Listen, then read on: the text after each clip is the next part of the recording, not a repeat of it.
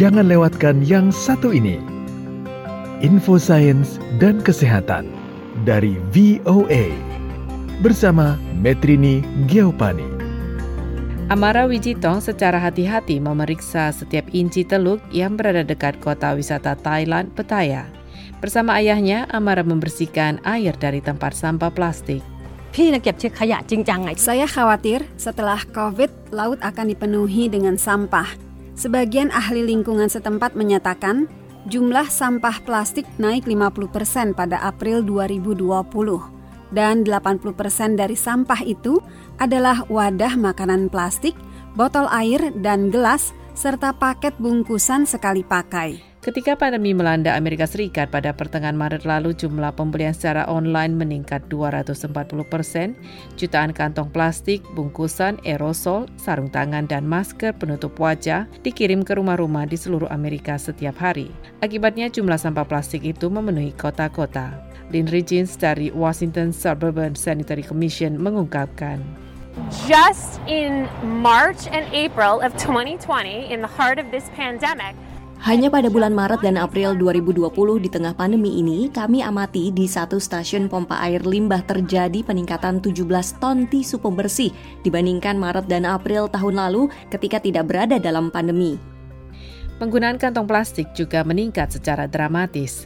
Beberapa negara bagian menunda penerapan larangan terhadap kantong plastik karena pandemi dan sebagian toko grosir berhenti mengizinkan penggunaan tas daur ulang yang dapat digunakan kembali untuk menghindari penyebaran virus corona. Sebagian ahli lingkungan mengemukakan gerakan tersebut tidak membantu. Jackie Nunes, salah seorang pendiri The Last Plastic Straw, mengemukakan. There was a study that came out of John Hopkins that says that sebuah studi penelitian yang dilakukan John Hopkins melaporkan bahwa dari semua bahan materi, COVID-19 itu bertahan lama di plastik. Jadi itu sebenarnya bertentangan dengan apa yang mereka kutip. Sebagian perusahaan daur ulang juga berjuang karena jatuhnya harga minyak. Demikian Tom Saski menyampaikan dari TerraCycle. The recycler has costs Pendaur ulang mengeluarkan biaya untuk mengumpulkan limbah dan mengolahnya, kemudian menjual bahan daur ulang tersebut. Dan harga itu ditetapkan sesuai dengan harga minyak. Jadi ketika harga minyak turun, banyak pendaur ulang tidak bisa bersaing. Para pemerhati lingkungan menyatakan setiap tahun sekitar 8 juta ton plastik berakhir di laut. Para pakar memaparkan produksi plastik dapat meningkat 40 persen dalam 10 tahun mendatang. Karena hanya sebagian kecil yang dapat didaur ulang, skenario itu terlihat sangat suram.